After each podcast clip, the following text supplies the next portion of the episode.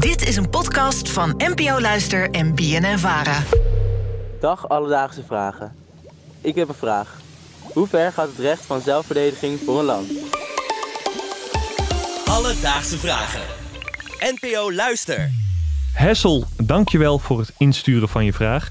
Ja, helaas een hele actuele vraag door het conflict tussen Israël en Palestina, maar natuurlijk ook tussen Rusland en Oekraïne. Ehm, in Congo gaat het niet fijn. Het is echt. Uh... Zijn overal brandhaarden op de wereld. We hebben überhaupt hier al brandhaarden, of we het een conflict noemen, een oorlog. Het is uh, elkaar ook in de haren vliegen. Moeilijke tijd, vind ik het, Aaron. Ja, ja. En uh, nou, hopelijk kunnen we wat duiding geven met uh, deze vraag. Ja, want in mijn hoofd is oorlog ook toch gewoon lukraak bommen werpen. En ik geloof gewoon nooit helemaal zo in dat daar dan allemaal regels achter zitten. Wie leeft die dan na? Wie erkent die dan? Ja, het is uh, niet een wedstrijd waarbij je een makkelijk een scheidsrechter hebt die zegt, nou, dit mag wel en dit mag niet.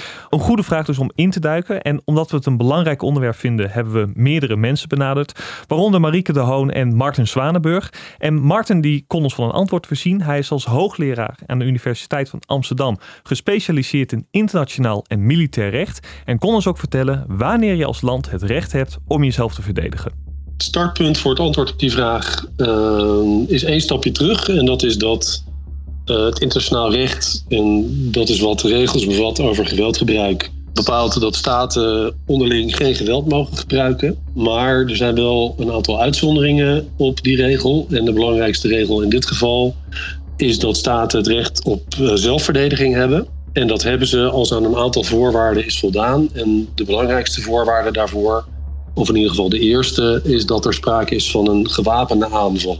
De voornaamste reden is dus dat je als land aangevallen moet worden met een gewapende aanval. Mhm. Maar Martin vertelde mij ook dat daar nogal wat discussie over is. Sommige landen vinden namelijk dat je alleen mag terugslaan als je wordt aangevallen door een andere staat.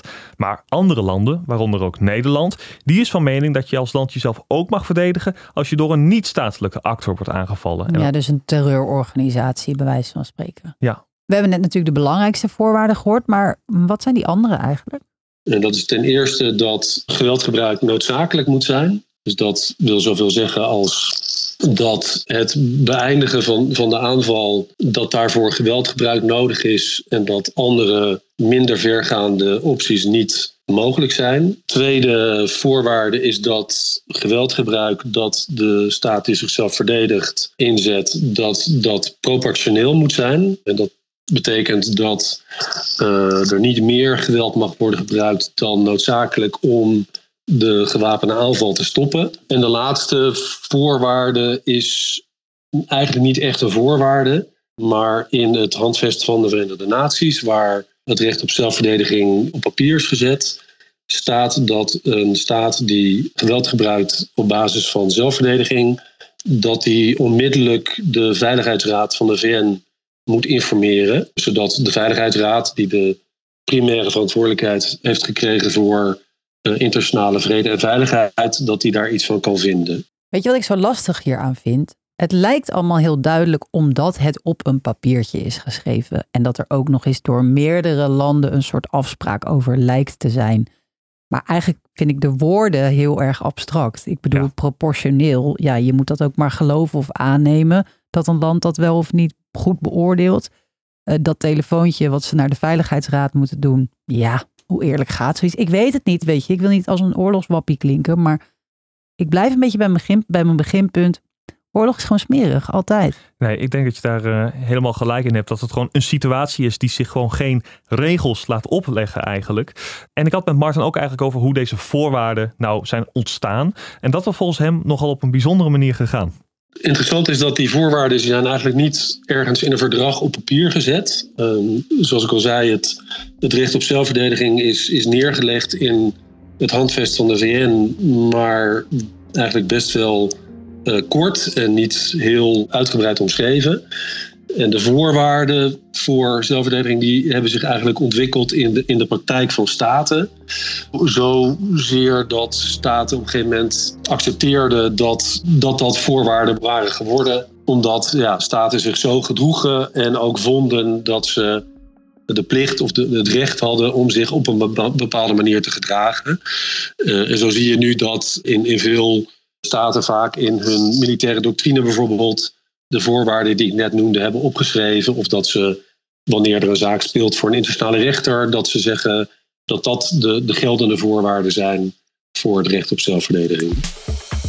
Alledaagse vragen. Nou, we hoorden net dus dat er wel bepaalde voorwaarden aan die zelfverdediging zitten. Uh, maar goed, we zien het echt vaak genoeg dat daar nou, toch niet echt aan wordt gehouden. Dat uh, er enorme bombardementen plaatsvinden die, nou, waarvan ik dan denk, en heel veel andere mensen ook met mij, dat is niet proportioneel.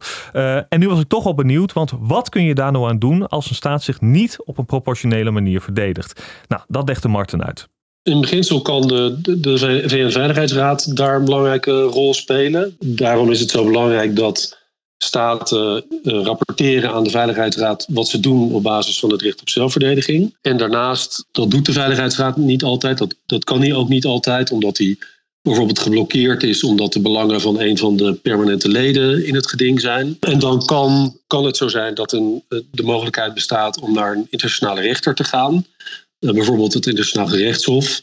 En dat dat gerechtshof of een andere internationale rechter dan een, een uitspraak kan doen over of in een bepaald geval is voldaan aan de voorwaarden voor zelfverdediging.